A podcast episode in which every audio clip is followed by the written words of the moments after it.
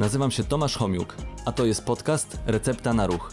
Podcast, w którym wraz z moimi gośćmi udowadniamy, że ruch jest lekiem i namawiamy do zażywania go w różnej postaci. Witam Was w kolejnym pod odcinku podcastu Recepta na Ruch. Dzisiaj w innym otoczeniu niż zwykle. Z wyjątkowym gościem profesor Artur Mamcarz, kierownik Kliniki Chorób Wewnętrznych i Kardiologii Warszawskiego Uniwersytetu Medycznego, w, którym, w której to klinice właśnie nagrywamy. Do tego jeszcze... Pracujemy obaj. Obaj tak, już od e, kilkunastu lat. Tak jest. Do tego pan profesor jest jeszcze e, członkiem zarządu Polskiego Towarzystwa Medycyny Stylu Życia, no i szeregu innych towarzystw, które będą zajęło tutaj kilka minut wymieniane. Ale nie będziemy o tym rozmawiać, więc no. myślę, że jakieś mm, ciekawe tematy poruszymy. No ciekawy właśnie związany z tym towarzystwem, które wymieniłem, czyli medycyny stylu życia. O tym wydaje mi się, że to jest coraz głośniej i staje się to coraz bardziej popularne. To dobrze i modne, ale w takim dobrym tego słowa znaczeniu, bo medycyna stylu życia jest takim obszarem, o którym wszyscy mówili, ale nie nabierało takiego formalnego wymiaru i właśnie powstanie pewnie Polskiego Towarzystwa Medycyny Stylu Życia, zanim przecież pracuje prezes tego Towarzystwa dr Daniel Ślisz, nabrało, nadało pewnego takiego dynamicznego charakteru jakby rozmowie na ten temat i przy okazji różnych kongresów, webinariów, warsztatów, konferencji spotykamy się, żeby o tym właśnie mówić. Już umiemy zdefiniować, co to znaczy.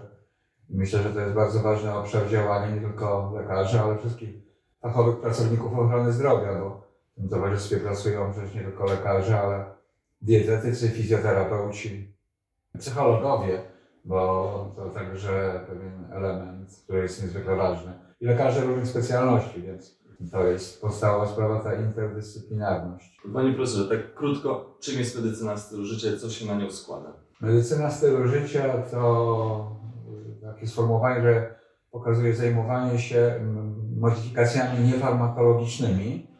Przede wszystkim, chociaż nie, nie tylko, zapewne można gdzieś wejść pewnie troszkę głębiej zastanowić się, czy tylko niefarmakologiczne modyfikacje determinują to, o czym mówimy. Styl życia to życie w dobrym stylu to takie nawyki takie kreowanie pewnych zachowań w życiu codziennym czy niecodziennym, na urlopie, poza urlopem, które sprzyjają zdrowiu. Tak najogólniej i oczywiście y, ten dobry styl życia determinuje to, że ludzie żyją dłużej, dobrej jakości. No bo to chyba kluczowa sprawa. I oczywiście przede wszystkim medycyna stylu życia powinna się zajmować promocją takich zachowań albo pierwotną, tak to kiedyś nazywaliśmy prewencją, ale ona także głęboko wchodzi w ten obszar wówczas, kiedy pacjenci już zachowują, ponieważ modyfikacje niefarmakologiczne też są kluczem do tego, aby po jakimś incydencie u pacjenta kardiologii się zajmują przede wszystkim po incydencie wieńcowym, po interwencji na naczyniach wieńcowych, po bypassach, po korekcie, którą proponujemy medycznie, żeby utrzymać efekt takiego działania jak najdłużej. Więc to bardzo szerokie sformułowanie i ono ma swoje filary bardzo różne. Tak, panie profesorze, jedno z działań, czy elementów tej medycyny stylu życia to jest ruch. Dokładnie tak, to kluczowy, kluczowy filar. Tak, mamy podcast Recepta na ruch Aha. i w tym, w tym, e, o, tym, o tym chciałbym bardziej szczegółowo porozmawiać. Ale tak na początek, jaka forma ruchu pana profesora zaciekawiła i jaką preferuje pan profesor formę ruchu dla siebie, dla siebie?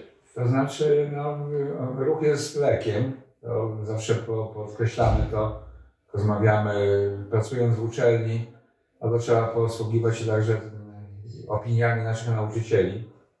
Nasi nauczyciele, którzy pracowali od wielu lat, Wojciech Oczko, to też jeden z nich przecież i kampus naszego Uniwersytetu Medycznego, jeden z kampusów jest na ulicy w tej okolicy Wojciecha Oczki, lekarz polskich królów i on mówił, że ruch jest w stanie zastąpić wszystkie leki, a wszystkie leki razem nie są w stanie zastąpić ruchu, więc to oczywiście różne formy ruchu są ważne. Ja osobiście preferuję akurat jazdę na rowerze, od dawna to robię. To jest taki wybór świadomy, wynikający z tego, że można to robić w domu, także na stacjonarnym rowerze i jednocześnie czymś więcej się zajmować. Zajmuje najmniej czasu, nie trzeba nigdzie wychodzić.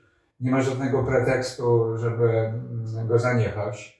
Brzydka pogoda, zimno, padający deszcz, właśnie brak czasu, tylko można rzeczywiście wykorzystać tą okazję i w domu z tego skorzystać. Ale jeszcze powiem wcześniej, ponieważ no, ruch jest jednym z filarów kluczowych, bardzo ważny, ale równie ważnym filarem jest właściwy model żywieniowy. Ważnym filarem jest niepalenie tytoniu, to jest też medycyna stylu życia. Jakość snu dobra, budowanie relacji z ludźmi, ten element psychologiczny, szczepienia są elementem e, medycyny stylu życia i myślę, że przy tej okazji, kiedy jesteśmy ciągle jeszcze w okresie, kiedy pandemia wcale się nie skończyła i kiedy żniwo zbierane jest ciągle, warto o tym powiedzieć, że szczepienia są jednym z największych osiągnięć medycyny w ogóle w historii. Ale dziś mamy mówić o ruchu, więc rzeczywiście no, trudno byłoby nie zasygnalizować dla tych obszarów, ale aktywność fizyczna jest kluczowa. Jak miałbym wybrać jeden lek, tak zawsze to też, czasami jak mnie o to pytają, to powiem, że na pewno wybrałbym właśnie ruch jako element prewencji i terapii. Bo ruch y, pomaga we wszystkich obszarach, jakimi się zajmują wszyscy lekarze. W zasadzie nie ma takiego działu, obszaru, specjalności, w której aktywność fizyczna nie wpływałaby w prewencję jakichś y, chorób i nie powodowała, że jest rekomendowane, zalecane jako jeden z elementów terapii. Tak, jeszcze e, do tych rekomendacji przejdziemy dalej, ale czy w takim razie Pan profesor kształci lekarzy, czy lekarze są mm, edukowani w tym zakresie właśnie tych e, modyfikowalnych czynników niefarmakologicznych związanych z medycyną stylu życia podczas, e, podczas studiów? No, Mam, mam wrażenie, że tak i mam nadzieję, że tak. Na pewno u nas, na pewno o tym rozmawiamy. Ja nie, wyobrażam sobie zajęć, kiedy jednym z elementów tej rozmowy ze studentami, na początkowym etapie kształcenia studentów od trzeciego roku, już kiedy oni wchodzą do zajęć klinicznych, kiedy po raz pierwszy widzą się z pacjentami, badają ich, ale mówimy o tym, y, tej modyfikacji. Zresztą protestujemy dość mocno obaj, nie wszyscy którzy się tym zajmują, przeciwko takiemu sformułowaniu, że jest takim uproszczeniem pewnym, że są to choroby cywilizacyjne. Mówimy raczej choroby zależne od złego stylu życia, bo cywilizacja tworzy człowiekowi szansę na to, żeby dobrze żyć, właściwie. Mnóstwo możliwości różnych, a tylko z niektórych zdobyczy i dzieciaki, i młodzież, i dorośli, młodzi, wszyscy tak naprawdę korzystają, czyli ze smartfonów. Nie będziemy dzisiaj o jedzeniu więcej rozmawiali, ale z fast. No, dzieciaki na plaży kiedyś biegały, plaża była wirem takim ruchliwym, a dzisiaj y, siedzą za parawanami, trzymają z jedną ręce, w jednym ręku fast food, a drugim smartfon lub jakieś inne elektroniczne narzędzie do komunikowania się. To też jest zaburzone, bo ludzie się słabiej komunikują.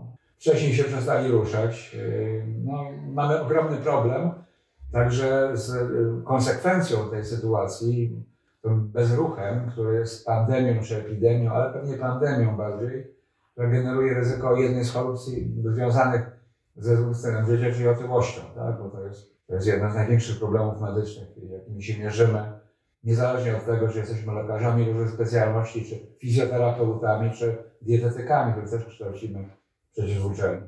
Tak, w 2012 roku w Lancecie nazwano brak aktywności fizycznej pandemią. Tak, No właśnie, chyba, chyba się tym no, zgadzamy, więc wracając do pytania, czy kształcimy studentów, kształcimy, no, mówimy o tym oczywiście. Na tym etapie jest fakultet z zakresu medycyny stylu życia. Ona jeszcze nie weszła e, do takiego kształcenia formalnego, czyli nie jest obowiązkowym zajęciem, ale myślę, że bardzo wiele osób, które prowadzi zajęcia z onkologii, diabetologii, kardiologii, które mówią o żywieniu, aktywności fizycznej, mówią o tym jako o leku. Więc sądzę, że no, jest coraz lepiej w tym zakresie. Ale myślę, że naszym tam marzeniem, czy idea, idealną sytuacją jest nie tylko fakultet z tego zakresu, ale pewnie przedmiot, który należałoby wprowadzić, żeby podsumowywał, podkreślał, akcentował pewne kwestie i myślę, że no, dążymy do tego i doczekamy się tej sytuacji. Kształcenie, a jeśli chodzi o zwiększenie roli e, medycyny stylu życia w takiej opiece zdrowotnej, jak to, jak to wygląda? Czy, czy tutaj jest szansa, żeby, żeby ta, ta prewencja zaczęła działać tak, jakbyśmy chcieli? To wielkie wyzwanie oczywiście, bo jest wyzwaniem takim organizacyjnym, formalnym. Pewne y, rzeczy trzeba finansować po to, żeby one dobrze funkcjonowały i działały. Medycyna jednak medycyną, kiedy pacjenci trafiają do nas w głównej mierze naprawczą, taką, gdzie te interwencje są zdefiniowane jako interwencje farmakologiczne, a czasem chirurgiczne, y, lub związane z innymi obszarami jakby medycznymi. Natomiast rehabilitacja, no bo mówimy o tym, rehabilitacja ruchowa jest wpisana w standardy postępowania, ale też u pacjentów. Jako fizjoterapeuci to dobrze wiecie, że tak naprawdę ruch jest oczywisty jako element rehabilitacji ruchowej. Rehabilitacja to nie tylko kinezoterapia, ale także inne obszary, ale y, zajmujący się pacjentami, którzy przebyli zawał, byli operowani z powodu choroby naczyń wieńcowych, mieli udar mózgu, złamali kończynę, czyli włączacie się na etapie naprawczym, z ruchem również i z rehabilitacją ruchową, a nie z prewencją. No, prewencja to jest chyba jednak polecanie. Myślę, że nie wejdziemy głęboko w tą sferę finansowania. To jest bardziej chyba y, robienie takiej atmosfery wokół tego, żeby mówić, że ruch jest zdrowy i żeby no, nie zwalniać dzieciaków z WF. No, jak mówimy o ruchu jako elemencie prewencji otyłości, chorób serca, miażdżycy, problemów neurologicznych, onkologicznych, bo także jest pewien związek, nadciśnienia tętniczego, cukrzycy, wielu, wielu bardzo obszarów, no to trzeba zbudować nawyk u dzieci, żeby one no, nie siedziały pod ścianami na korytarzach w szkole i pisały kolejne, kolejne treści w mediach społecznościowych, tylko może nie biegały na, na przerwie tak intensywnie, ale żeby nie były ważnym przedmiotem w szkole. Tak?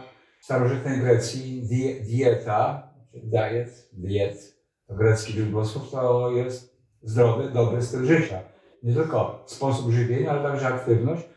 Najważniejszymi przedmiotami starożytnej Grecji było coś, co nazywamy wychowaniem fizycznym pewnie dzisiaj i muzyka była drugim filarem, który też dawał jakby takie wykształcenie ogólne. Reszty i tak się trzeba, można było nauczyć, w zależności od tego, kto czego oczekiwał, ale ta aktywność fizyczna była nauczana, była promowana y, od y, bardzo wczesnych lat. Musimy chyba do tego jakoś wrócić.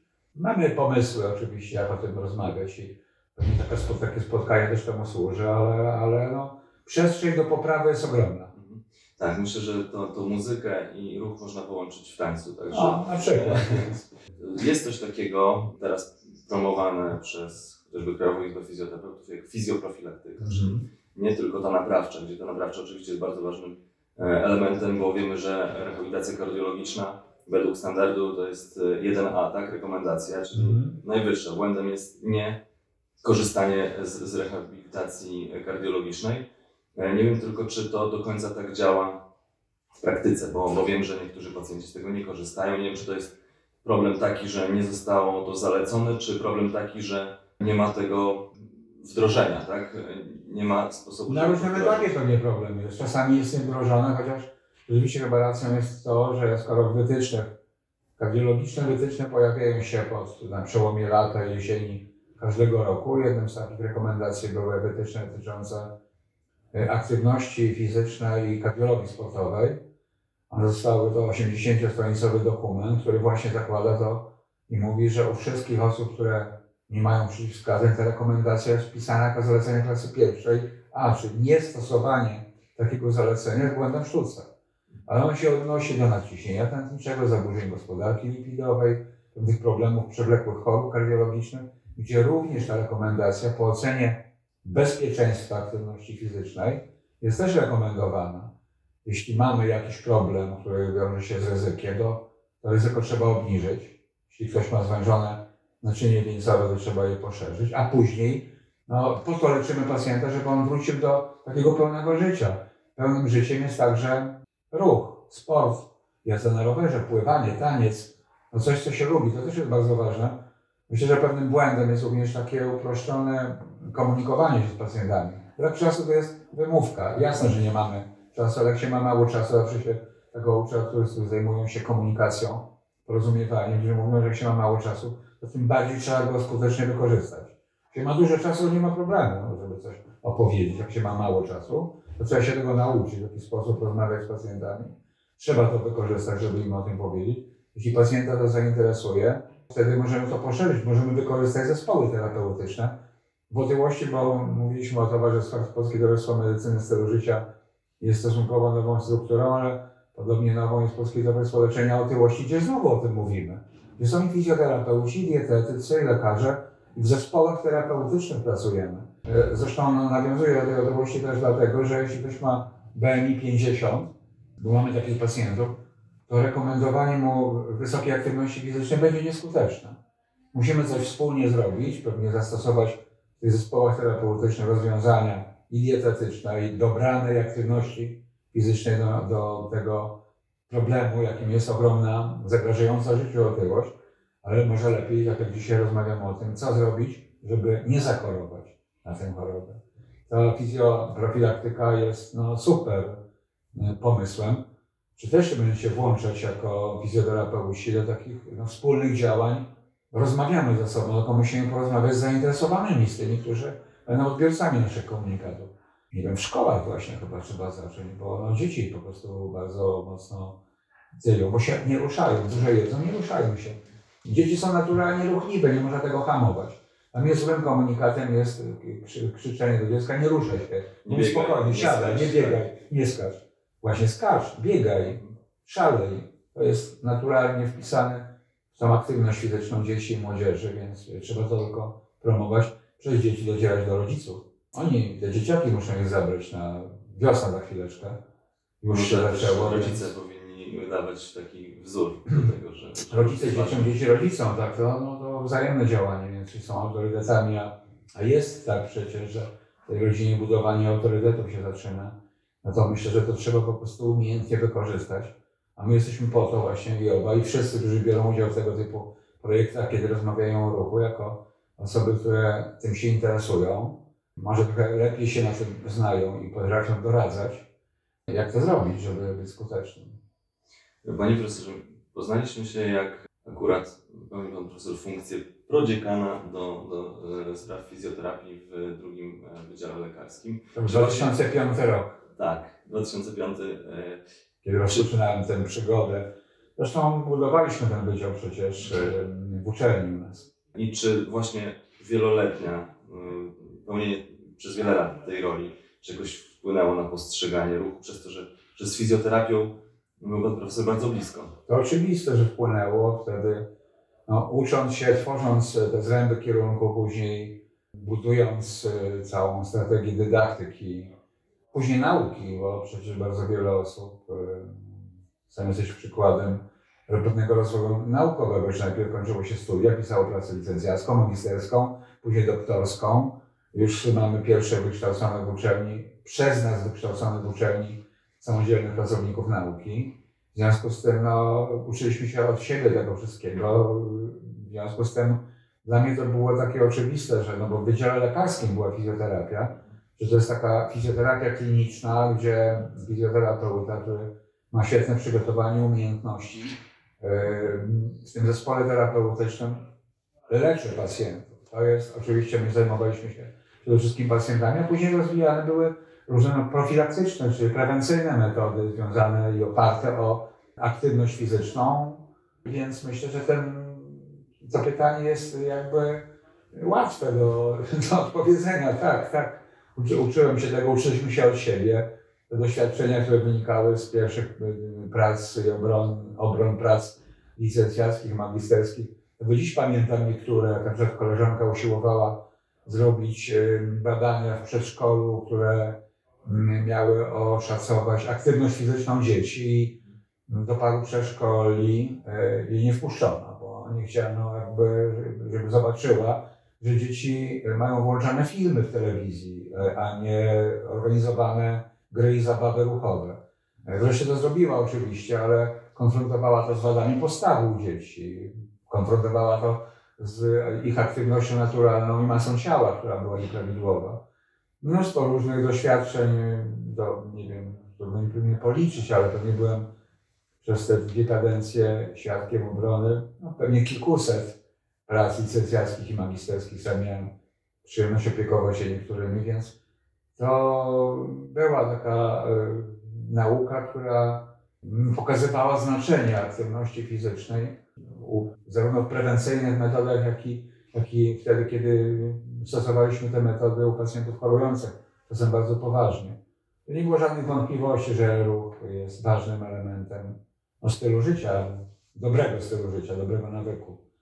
I tak jak mówię, podkreślam jeszcze te dokumenty, te wytyczne kardiologiczne, Europejskiego Towarzystwa Kardiologicznego, podkreślają, podobnie jak zapisy WHO. WHO też przygotowuje taki dokument na jakiś czas, gdzie w zasadzie nie ma obszaru, to nie należałoby rekomendować czasem odpowiednio dobranych do możliwości pacjenta, do sytuacji, w której się znajduje, jako ważnego elementu terapeutycznego, jeszcze jednej rzeczy nie podkreśliliśmy, bo mówimy o tej wpływie na pewne parametry biologiczne ważne, ale niezwykle ważnym y, obszarem jest jakość życia i ta jakość się poprawia, ponieważ przyjemność, jaką generuje sytuacja, w której ludzie się zaczynają ruszać i doświadczają tej przyjemności, to też jest biologiczny mechanizm, znamy go przecież, wydzielanie endorfin, prawda, że oni już później czekają na kolejny trening, bo, bo brakuje im tego, tej radości, zadowolenia wynikającego. Przecież nie wcale z y, osiągnięcia wybitnego czasu, prawda, albo wygrania każdego meczu. O, o wygranych lub przegranych meczach akurat dzisiaj nie wiem, czy jest jak rozmawiać, ale, ale no, czasami wygrywamy mecze oczywiście. Tak, e, od tego też się można uzależnić. To Mhm. też jest taki też element, gdzie, gdzie ze wszystkim można przesadzić. To ważny, ważny jest y, komentarz, bo rzeczywiście wiele procesów biologicznych ma kształt litery U, czyli zarówno brak, jak i nadmiar jest szkodliwy. Czyli złoty środek, to znowu do Grecji nawiązujemy, był najważniejszy, szukaniu złotego środka. Wiemy o tym, że całkowity bezruch generuje mnóstwo problemów. Nadmierna aktywność fizyczna, która no, taki znajduje wymiar największy w sporcie oczywiście, E, I no, sportowcy miewają różne problemy wynikające z przebudowy sportowej, podlegają pewnej kontroli. To inny temat, Tak, to już- moglibyśmy wejść głębiej troszkę w tą, w tą część, bo sam się kardiologią sportową wiele lat zaj- zajmuję, ale, ale mówię, znowu wyobraźmy sobie tą literę U, gdzie na tym dolnej części tej litery największe korzyści. One są zdefiniowane ilościowo, tak? My wiemy, jak rekomendować ruch. Jeszcze y, odnośnie tego leku. Mhm. Czy lekarz jest odpowiednią osobą, chociaż myślę, że na takim ogólnym poziomie pewnie tak, ale czy powinien zalecać właśnie ruch jako, e, jako formę leku i czy może to robić skutecznie, czy raczej powołać się na specjalistów innych? Znaczy myślę, że trzeba wykorzystać różne okazje. No, pacjenci przychodzą do lekarza, pacjent wybiera lekarza. Jeśli lekarz uznaje, że to zainteresowanie pacjenta albo możliwości tej rekomendacji prawdziwej powodują, że rzeczywiście w tej masie obowiązków różnych nie, nie, nie poradzi sobie z tym czasowo, merytorycznie czasami, bo pacjent oczekuje czasem bardzo precyzyjnych y, y, wytycznych i zaleceń. I po to właśnie rozmawiamy i tworzymy zespoły, żeby fizjoterapeuta, który może program treningowy układać pacjentom, w zależności od tego, jaki mają problem. Myślę, że lekarz powinien świadomie z tego po prostu zrezygnować, czyli mówiąc o zaletach aktywności fizycznej w sposób ogólny yy, i takich rekomendacjach, które każdy lekarz może przekazać, jednak skierować pacjenta do, do fachowców, do specjalistów, którzy będą potrafili nie tylko opowiedzieć o tych efektach biologicznych, albo precyzyjnie ułożyć y, treningi. Podobnie jest przez analogię można powiedzieć, że lekarz pewnie wie ogólnie, jak powinien wyglądać właściwy talerz, który sprzyja zdrowiu, ale jeśli pacjent oczekuje przepisu na coś, prawda, wyliczenia kalorii, metabolizmu i tak dalej, no to pewnie dietetyk będzie dobrze przygotowany, właściwszą osobą do skonstruowania te, tego żywienia. Podobnie z ruchem, więc myślę, że to jest pytanie, które pokazuje, że powinniśmy pracować w zespołach terapeutycznych. Natomiast to pytanie ma też no, ten kontekst, że pacjent trafia do lekarza i to lekarz może być pierwszym takim doradcą. Natomiast, tak jak powiedziałem, precyzyjniejsze opinie będą, będą specjaliści w tym zakresie. A jeśli mówimy o innej rzeczy, o prewencji, no to wszyscy mówimy, mówmy o tym, prawda? Bo nie docieramy do konkretnych ludzi.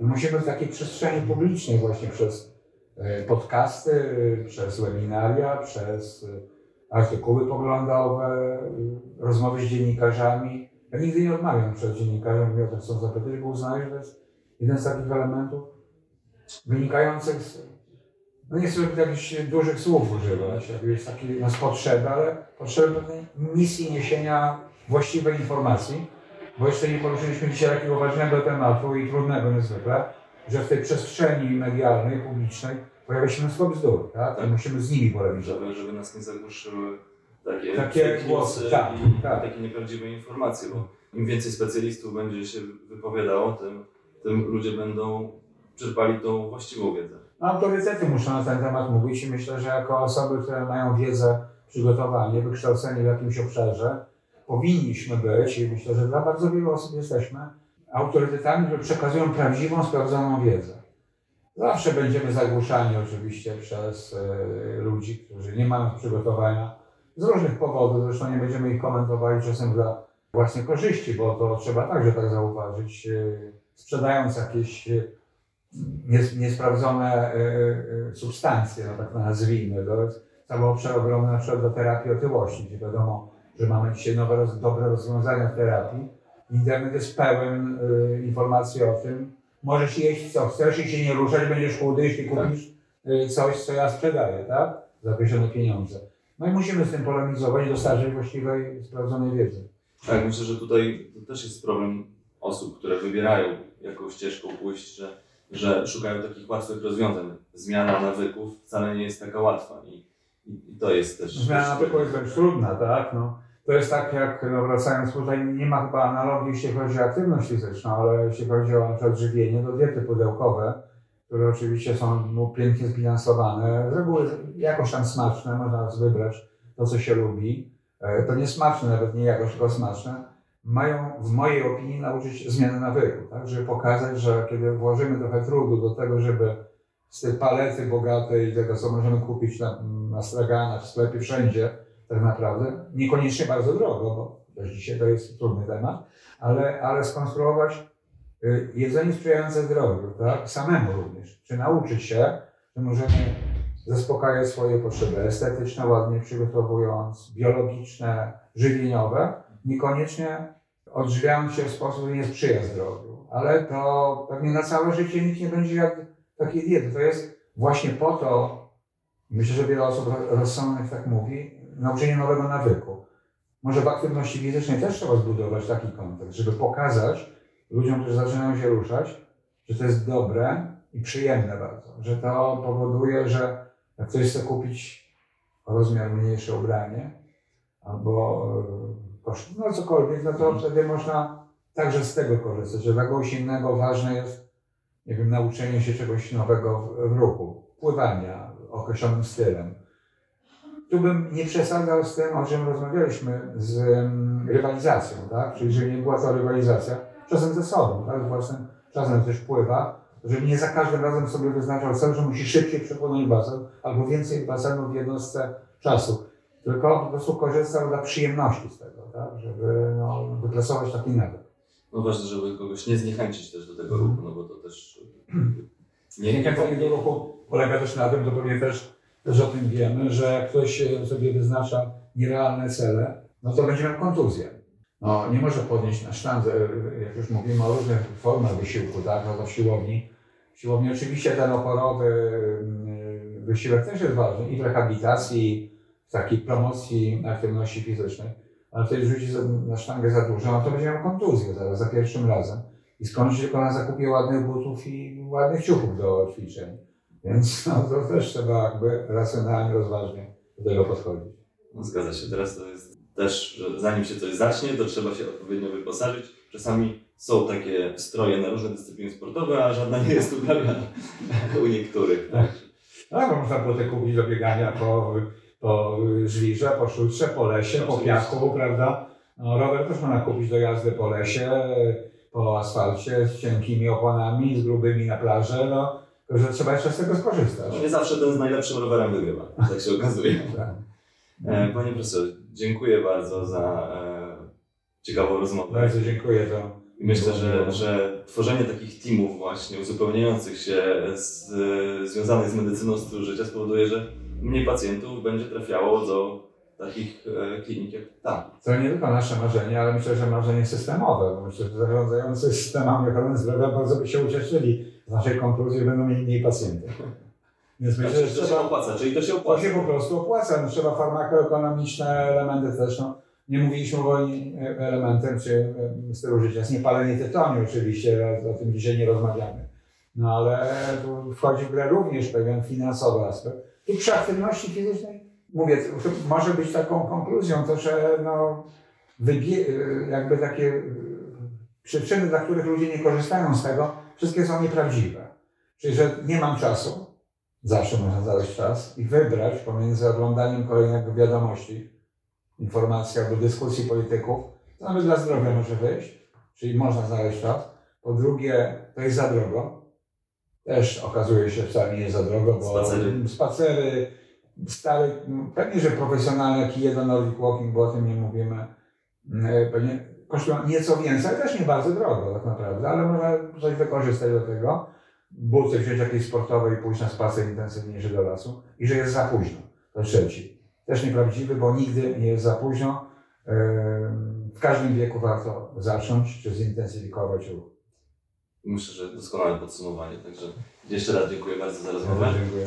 Dziękuję, że e, oglądacie, słuchacie podcastu, także zapraszam do komentowania, udostępniania. Dziękuję i do zobaczenia.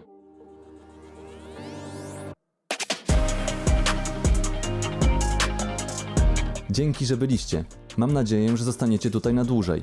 Jeżeli chcecie być na bieżąco, zasubskrybujcie kanał Recepta na Ruch.